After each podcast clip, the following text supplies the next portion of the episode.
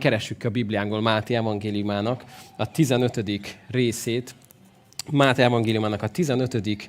részét fogjuk most olvasni. Egy jó ideje Jézusnak a példázataival foglalkozunk, és most egy nagyon-nagyon-nagyon érdekes példázata kerül elő Jézusnak. Álljunk fel, és így hallgassuk Istennek az igéjét. Máté 15. 10. versétől fogom olvasni. Máté 15. 10. versétől. Majd magához hívta a sokasságot, és így szólt hozzájuk. Halljátok, és értsétek meg. Nem azt teszi tisztátalanná az embert, ami a szájon bemegy, hanem ami kijön a szájból, azt teszi tisztátalanná az embert. Akkor oda mentek hozzá a tanítványa, és ezt mondták neki. Tudod, hogy ez a beszéd megbotránkoztatta a farizeusokat? Ő pedig így válaszolt. Minden palántát kiszaggatnak, melyet nem az én mennyei atyám ültetett. Hagyjátok őket, vak létükre világtalanokat vezetnek. Ha pedig vak vezeti a világtalant, mind a ketten a verembe esnek. Péter arra kérte, magyarázd meg nekünk ezt a példázatot. Jézus pedig így szólt. Hát még ti is értetlenek vagytok, nem értitek? Hogy mindaz, ami a szájon bemegy, a gyomorba jut és az árnyékszékbe kerül, ami azonban a szájból jön ki, az a szívből származik, és az teszi tisztátalanná az embert. Mert a szívből származnak a gonosz gondolatok, gyilkosságok, házasságtörések, paráznaságok, lopások, hamis tanúbizonyságok, káromlások. Ezek teszik tisztátalanná az embert. De az nem teszi tisztátalanná az embert, hogy mosdatlan kézzel eszik. Eddig olvastuk, imádkozzunk. Isten, én magasztalak téged azért, mert a te beszéded, Uram, az élő is ható. Magasztalak, Isten, téged azért, mert ma szólni szeretnél hozzánk. Köszönöm azt, hogy a te szavad az élő is ható. Köszönöm, hogy abban élet van, és ezt kérem Istenem most, hogy jöjj, és beszélj hozzánk. Azt kérem, hogy taníts minket, és a te drága lelked, szellemed által legyen ez ma élő ható. Szeretnénk most mindent félretenni, a gondolatainkat, aggodalmainkat, a múltat, a jövőt, és szeretnénk most rád figyelni, Jézus. Amen. Foglaljunk helyet. Elkérhetem Zoát azt a Egy jó ideje Jézusnak a példázataival foglalkozunk minden egyes héten, és múlt héten vendégünk volt, Es tanított minket az igaz gyöngyről és a szántóföldben elrejtett kincsről. Uh, hiszem azt, hogy nagyon mélyre mentek azok a gondolatok, én azóta is sokat gondolkodtam rajta. És most Jézusnak egy másik példázata jön elő, ami egy nagyon különleges élethelyzetben hangzott el. Hogyha nem olvasnánk el, hogy mi van a Máté 15, 1 és 9 között, akkor nagy bajba lennénk, mert nem tudnánk, hogy miről beszél itt Jézus. Miért kellett elmondja ezt a példázatot? De az történt ugyanis, hogy a 15. fejezet elején arról olvasunk, hogy belekötöttek a farizeusok Jézusba, hogy nem tartja meg a vének hagyományait. Mik azok a vének hagyományai? A vének hagyományai nem az, amit Isten megparancsolt a népnek az Ószövetség lapjain keresztül, hanem az, ami hozzá rakódott amit, amit mindig továbbadott egyik nemzedék a másiknak, ami valami plusz, valami több, néha valami más. És ilyen volt egy ilyen hagyomány, hogy nem szabad mosdatlan kézzel lenni. Na most ö, oda mennek Jézushoz, és, és, ö, és kicsit próbálják őt kérdőre vonni, hogy miért van az, hogy a te tanítványaid azok mosdatlan kézzel lesznek. Miért van ez? Miért történik ez? És Jézus nagyon érdekesen beszélget velük. Azt mondja nekik, hogy, hogy képmutatók vagytok. Hogyan lehet az, hogy a vének hagyományait felcseréltétek Istennek a törvényével. Ugyanis Jézus azt mondja nekik, hogy például odafigyeltek arra, hogy mosdatlan kézzel lesztek, vagy sem, ami igazából nem is számítana. De például, amit Isten kért, azt viszont nem teszitek meg. És mond egy nagyon-nagyon komoly dolgot Jézus erről a nemzedékről. Azt mondja róluk, hogy ez a nép, idézi Ézsaiás, csak az ajkával tisztel engem, és tudja valaki, hogy folytatódik? A szíve az, ami van. Távol van. A szíve viszont távol van tőlem. Egy másik helyen azt mondta Jézus ugyancsak egy nagyon hasonló helyzetben, Lukás 16-ban, ti igaznak tartjátok magatokat az emberek előtt, de Isten ismeri a szíveket, mert ami az emberek előtt magasztos, az Isten előtt utálatos. Hát ez egy nagyon érdekes dolog. Ha belegondolunk ebbe, ha elhisszük, hogy ez igaz, amit itt Jézus mond, akkor amikor az emberek megállnak majd Isten előtt, akkor nagyon nagy változások lesznek néha. Mert lesz ember, aki mások előtt magasztos lesz, Isten előtt pedig, amit tett, az milyen lesz? utálatos. Csak képzeld el, hogy mekkora, mekkora nagy feleszmélés lesz azon a napon, amikor minden titka a szívnek, minden rejtett szándéka előjön és megjelenik. És lesz valaki, aki nagy elismert ember hírében áll, és csak úgy egymás után gyűjtögette a jó cselekedeteket, árvaházat alapított, és a többi, és a többi. Annyi mindent tett az Isten nevében, is elhangzik majd, hogy távozzál tőlem, mert soha nem ismertelek téged. És nézzünk rá, hogy itt, itt valami hiba van, nem? Mi megszoktuk, hogy a technikában vannak hibák, elcsúszik az egyik oszlop, valami el lett írva. Istenem, itt biztos valami hiba van.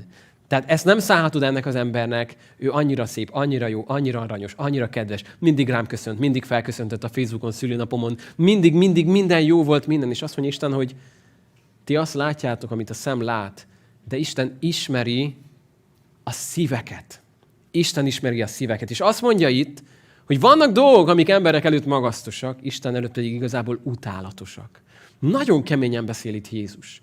És miért beszél ennyire keményen erről? Azt mondja Jézus itt a farizeusoknak a Máté 15-ben, hogy például tudjátok azt, hogy tisztelni kellene anyádat, apádat. De ti azt mondjátok, hogy nem, Istennek ajánlom, ezt meg azt, meg az Úrnak lévő áldozat. Azt tudjátok, hogy miért csinálták ezt a farizeusok? Mert azt tanították a vének hagyományai, hogyha valamivel tartozna, hogy odaadja az édesanyjának, édesapjának, de azt oda ajánlja az Úrnak való áldozatnak, akkor mentesül ez alól. Szóval oda kéne adjam ezt a pohár vizet Zoárnak, mert neki járni. És én azt mondom, Zoárd, én ezt az úrnak ajánlom, jó? És akkor megtartom magamnak. Ilyeneket csináltak, azt mondja Jézus, hogy kijátszáltak az Istennek a parancsolatait. A látszat az tökéletes volt, de valami történt. És szeretném, hogy most jó néhány igét megnéznénk közösen arról, hogy miért beszél Jézus ennyire keményen a farizeusokkal. Olyan keményen, hogy a tanítványok oda mentek Jézushoz, és azt mondták neki, hogy Jézus, azt ugye tudod, hogy ezzel nagyon felbosszantottad őket. Szóval képzeld el, hogy micsoda helyzet lehetett ez, micsoda feszültség volt a levegő, amikor a tanítványok mondják Jézusnak, hogy figyelj Jézus, nagyon, nagyon felbosszantottad őket. Szerintem Péter kereste menekülő útvonalakat. Azt, hogy hogy tudunk innen elmenni, ha most rátámadnak Jézusra. Miért látta ennyire fontosnak Jézus ezt? Miért állt ki ennyire a szívtelen vallásosság ellen? Na nézzük meg közösen, jó? Kicsit felébredünk, jó? Látom, álmosak vagyunk sokan. Példabeszédek 4.23. Olvassuk el együtt, jó? Hangosan, gyertek velem. Minden féltve őrző dolognál Hát, bocsánat, meg kell szakítsam. Ez minden volt, csak jó és hangos, nem? szóval jó, hangosan, velem együtt olvassátok, jó? Minden féltve őrző dolognál jobban óvd szívedet, mert onnan indul ki az élet. Példabeszédek 4, 23, és megtanuljuk. Azt mondja a példabeszédek könyve, minden féltve őrzött dolognál jobban óvd a szívedet, mert onnan indul ki az élet. Amit a farizeusok csináltak, az az, hogy a szívüket félretették, és mivel nem a szívükkel foglalkoztak, azért elkezdtek minden mással foglalkozni. Hoztam erre egy-egy példát, egyet férfiaknak, egyet hölgyeknek, jó? Kezdjük a férfiak példájával. Képzeld el, hogy van egy autód. Egy fantasztikus autó. Kívülről nézve zseniális.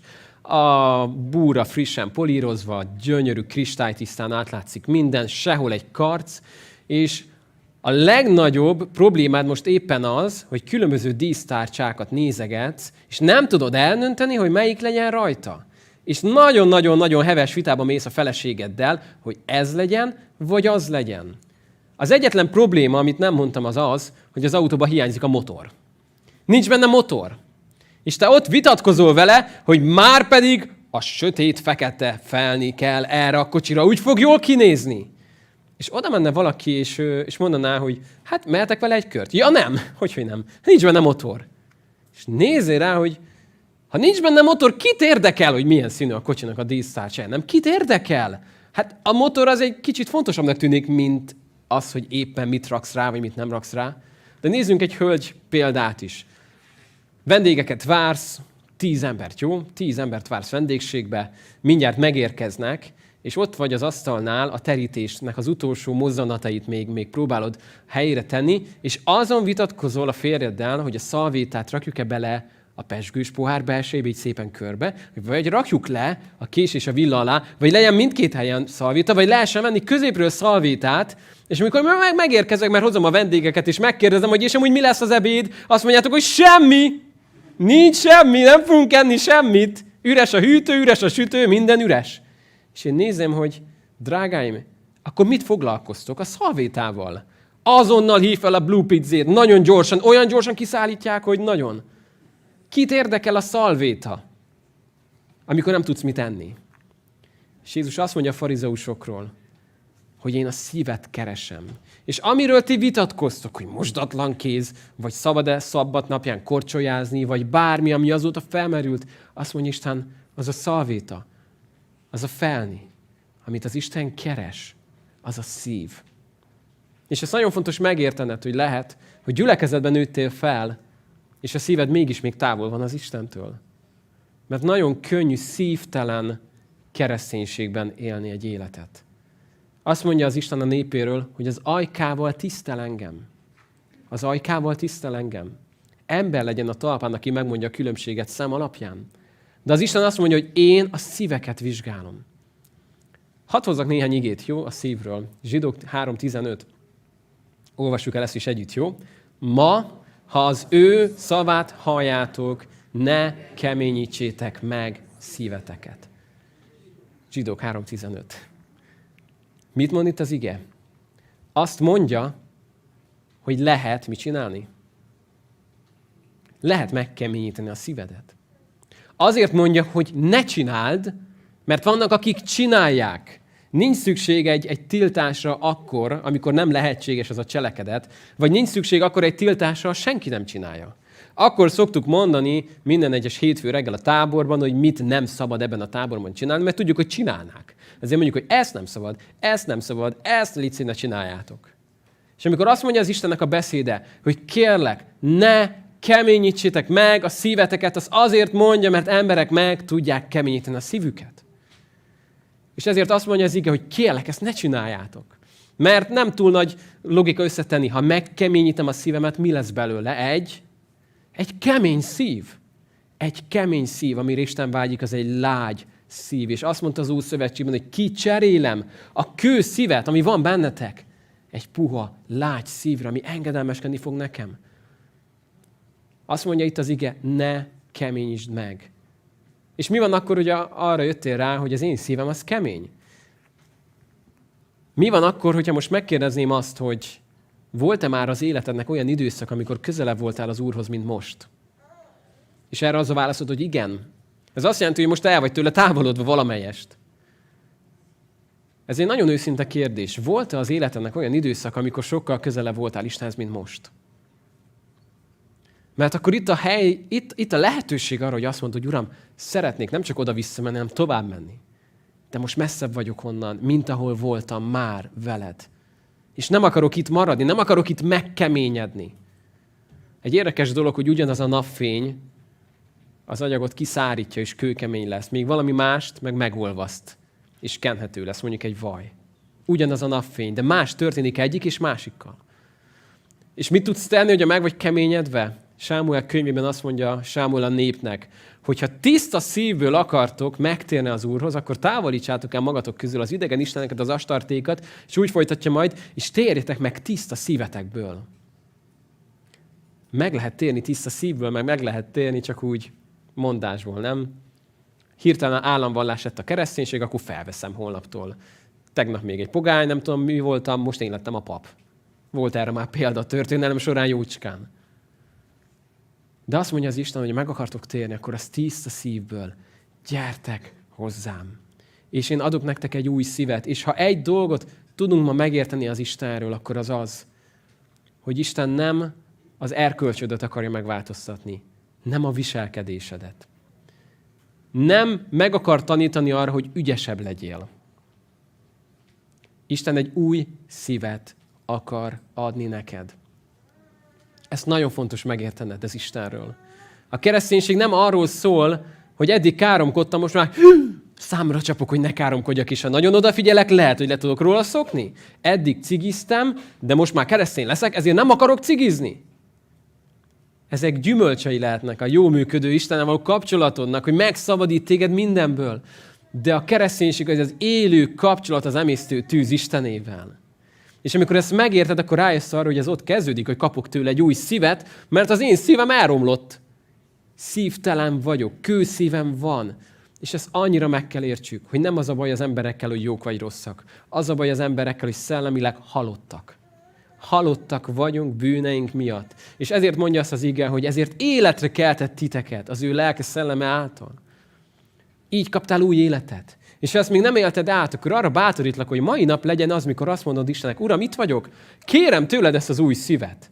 Kérlek, adj nekem egy új szívet, mert nem tudom ezt magamtól tenni. Magamtól tudok vallásos ember lenni. Magamtól tudnék még keresztény lenni. Sőt, még baptista is lehetsz magadtól. Megpróbálhatod. De Isten, aki a szíveket vizsgálja. Ő azt mondja, hogy én egy új szívet akarok neked adni. Hogy ami halott volt, ott élet legyen. Ha valami meghalt, lehet átöltöztetni, lehet szépíteni rajta, de életre van szüksége. És mi történik, hogy ezt már átélted? Mi van akkor a szíveddel? Jézus egy nagyon fontos dolgot mond, azt mondja a Lukás 21-ben, vigyázzatok magatokra. Vigyázzatok magatokra, hogy nehogy, micsoda, a szívetek elnehezedjék, és most figyelj, mitől? Mámortól, részegségtől, vagy a megélhetés gondjaitól. És hirtelen lepjen meg titeket az a nap. Miért mondja ezt Jézust? Azért mondja ezt Jézus, már könyökötön jön ki, azért mondja, hogy mit ne csináljunk, mert tudnánk csinálni. Azért hívja fel rá figyelmet, mert ez egy veszélyforrás az ő népének, hogy a szíved elnehezedjen. Furcsa szó ez, nem, hogy elnehezedik a szíve. Mi az, hogy valakinek elnehezedik a szíve? Az, amikor azt mondja, hogy az élet gondja, a részegség, a mámorság megfojtja, elveszi a fókuszt, és mi történik? Hirtelen lep majd meg az a nap.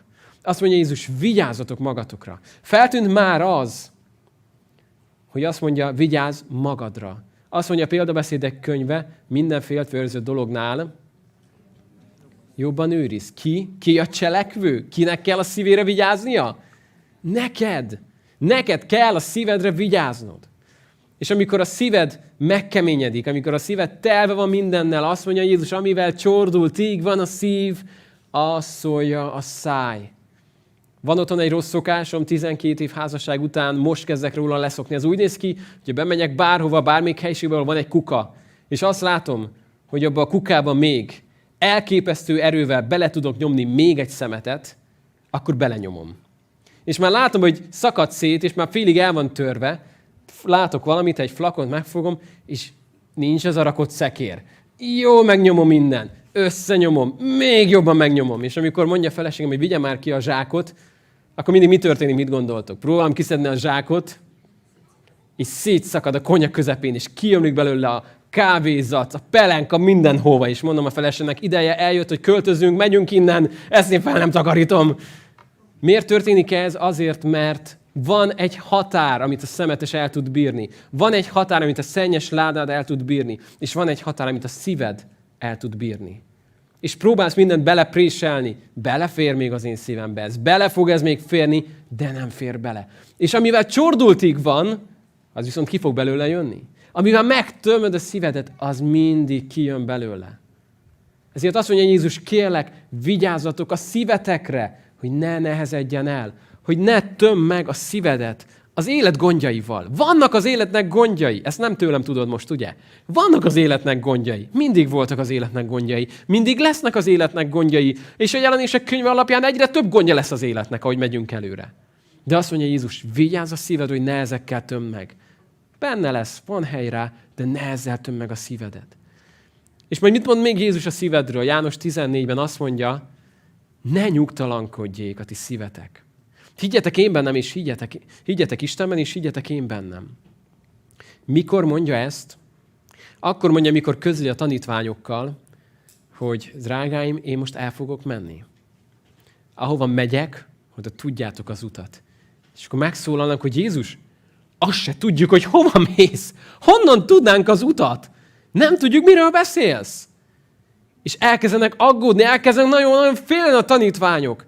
Én tudom, milyen ez az érzés, amikor, amikor most is a gyerkőcök otthon betegek, és nem tudtak jönni velem, de amikor különösen a legkisebb most eljött, látja, hogy apa felvesz egy inget, elkezdem cipőmet felhúzni, látja, hogy mi fog történni.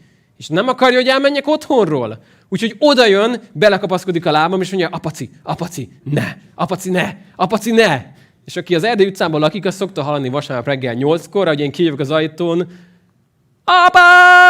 Üvöltés! Apa! Ne! És nyugtalan a szíve, mert nem akarja, hogy elmenjek, mert nem tudja, mi fog történni. Ugyanezt történik, mikor Magdi megy el, akkor én vagyok otthon, csak kicserélik anyacira. Mindegy, hogy mi történik, de mindig ezt a kiáltást fogod hallani.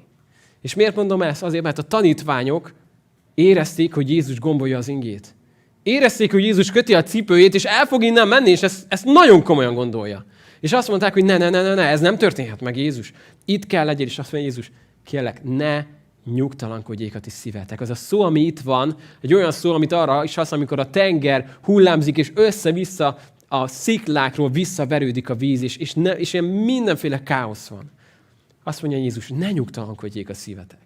Higgyetek én bennem, higgyetek Istenben. Az én atyám házában sok hajlék van, ha nem így volna, nem mondtam volna nektek, hogy elmegyek helyet készíteni számotokra, és ha elmentem és helyet készítettem, ismét eljövök, és magam mellé veszek titeket, hogy ahol én vagyok, ti is ott legyetek. És még mindig nem értik. És azt mondja Jézus, jobb nektek, ha én elmegyek, mert ha nem mennék el, akkor nem jönne el a pártfogó hozzátok. De én elmegyek, és kérni fogom az atyát, és elküldi nektek, akit a világ nem ismerhet meg, ti viszont ismerni fogjátok, mert bennetek vesz lakozást. És hogyha azt tudta Jézus mondani, hogy ne nyugtalankodjatok, akkor hiszem, hogy ezt ma is mondja neked. Amikor diktálod be a gázt, meg diktálod be az elmének mindent, meg az émásznak, amit csak lehet, és elkezdesz nyugtalankodni, Istenem, mi lesz? Nem fogom tudni kifizetni. Mi lesz ezzel? Mi lesz azzal? Mi lesz a munkahelyemmel? Mi lesz, ha nem lesz benzin, dízel? Mi lesz, mi lesz, mi lesz? És azt mondja Isten, ne nyugtalankodjék a te szíved. Ne nyugtalankodjék, hanem mit kell tenned? Bízzál én bennem.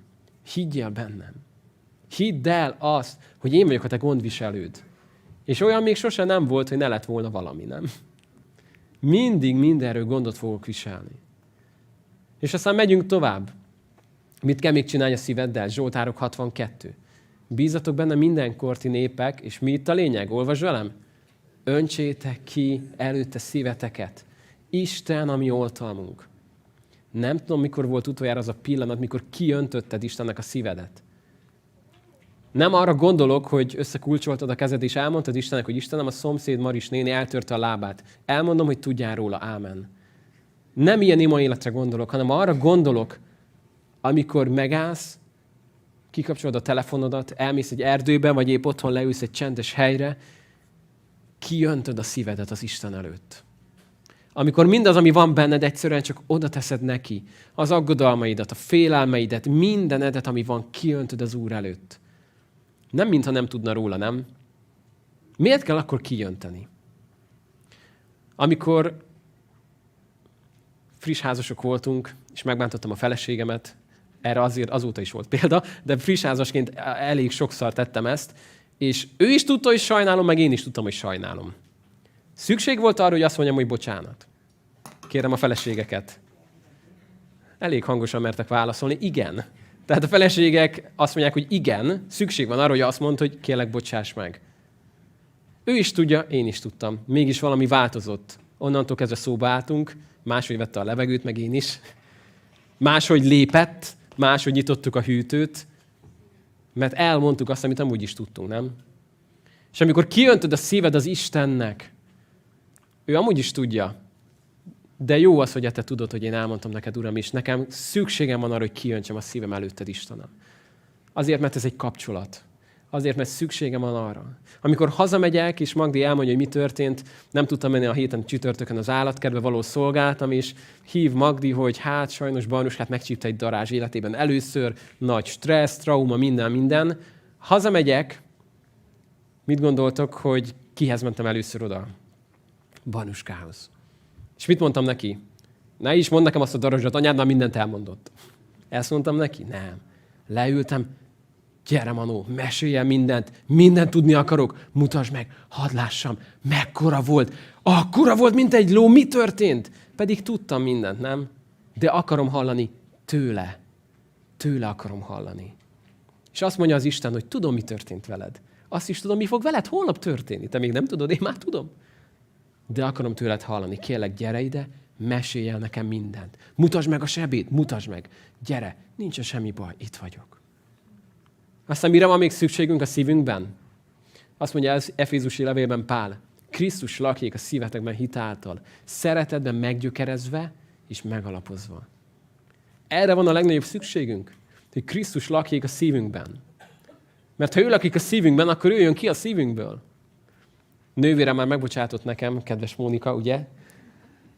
Tini koromban mindig az egyik kedvenc hobbim volt, hogy bosszantottam a nővéreimet, bosszulva az egész egy-néhány első évet, amikor meg ők bosszantottak engem, meg, meg kínoztak öcsüket. És amikor sikeresen felhúztam őket, és kirobbantak, akkor mindig azt mondtam nekik, hogyha a mézes bödönt összetörik, méz folyik ki abból. Honnan jött ez az indulat?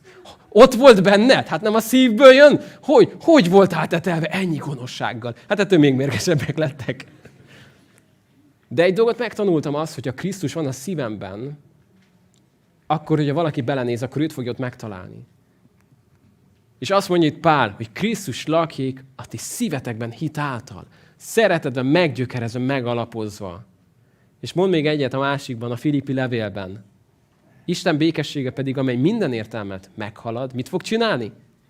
Meg fogja őrizni szíveteket és gondolataitokat a Krisztus Jézusban.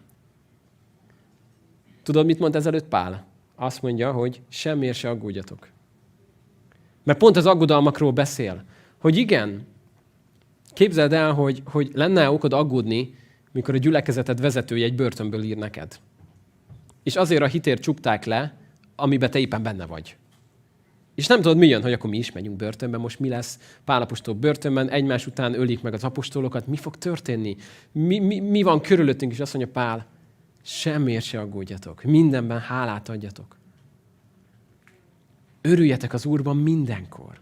Ismét mondom nektek, örüljetek az Úrban mindenkor, és azt mondja végül majd, hogy Istennek a békessége pedig, amely minden értelmet meghalad, meg fogja őrizni a ti szíveteket. És az utolsó ügy, amit már hoztam nektek Jakab leveléből.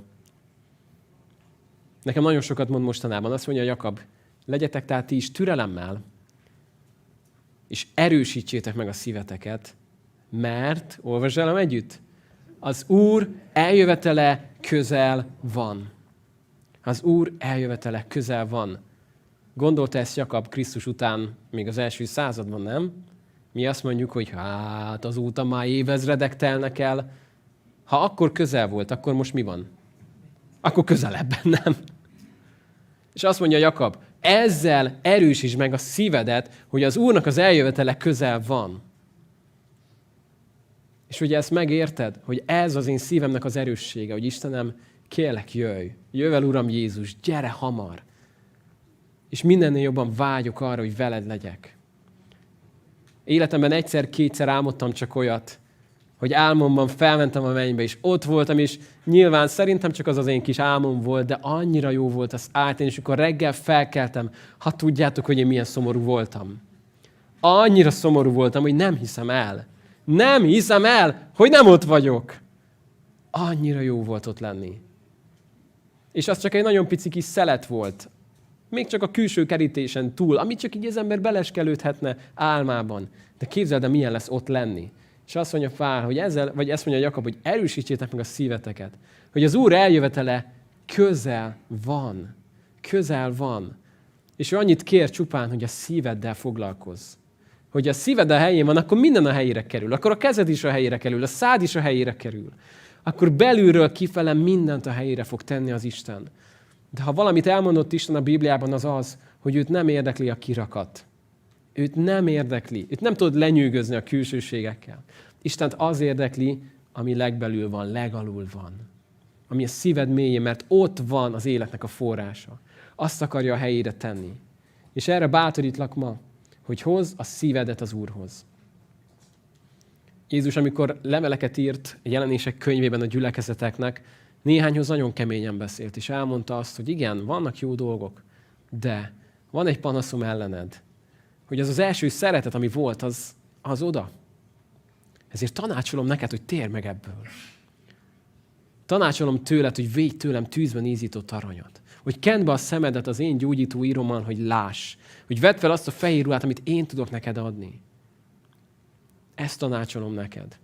És erre hívlak, hogyha még nem, nem tetted meg ezt a lépést, még nem vagy az Úrral közösségben, még csak próbálod leutánozni a kézmosást, és minden mást, akkor enged, hogy Isten ma a szíveddel foglalkozzon.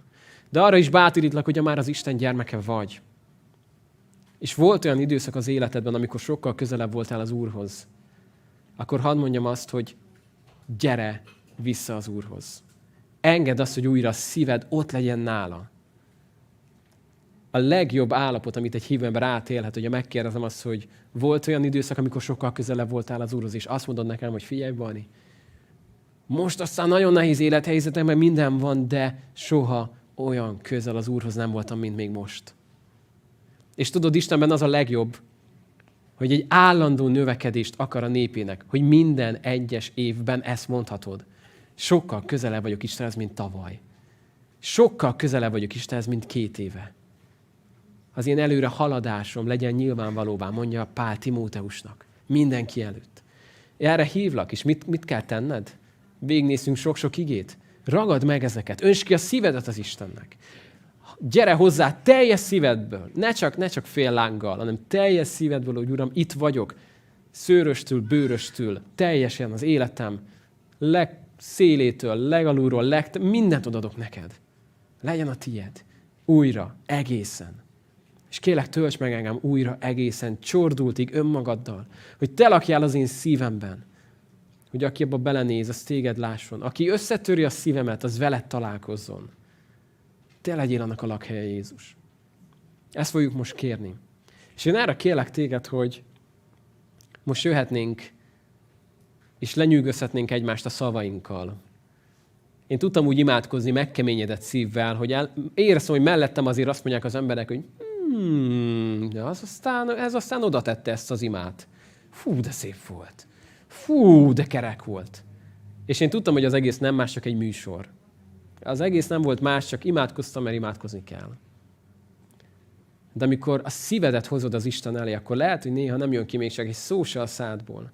Csak ott vagy, mint Anna az Isten előtt a templomnál, zokogsz, suttogsz, mások azt hiszik, hogy részeg vagy, de közben az Isten meg meghallgatja a te imádat. Lehet, hogy ott vagy, mint az a vámszedő, aki még csak fel sem meri emelni a tekintetét az Istenre, de mégis azt mondja Jézus, hogy megigazulva megy haza. Úgyhogy most azt kérlek, hogy magadban gyere az Isten elé. Így nem kell azon törd a fejedet, hogy mit mondanék mások előtt, hanem csak azon törd a fejedet, hogy Uram, mit mondhatnék neked? Itt vagyok. A szívemet hozom eléd. Kérlek, gyere, és legyünk egy kicsit csendben. Az Istennek a jelenlétében. És utána fogom én majd vezetni ezt egy imában, de kérlek, hogy adj egy kis időt most arra, hogy egyedül az Istennel csendben legyél.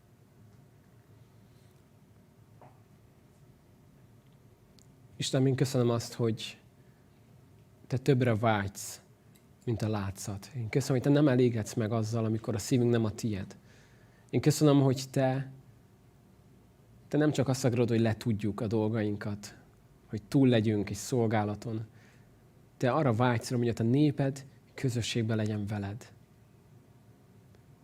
És nem kérlek, bocsáss meg nekünk minden egyes olyan pillanatot, amikor, amikor ezt elfelejtettük. Kérlek, bocsáss meg, Uram, nekünk azt, amikor fontosabb volt minden más, mint a szívünk és a Te szíved.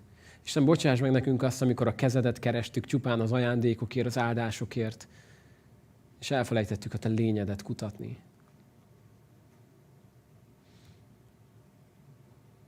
Isten, szeretnénk most jönni eléd, és én arra kérlek, Uram, Te látod egyedül a szíveket, csak Te látod most a szíveket.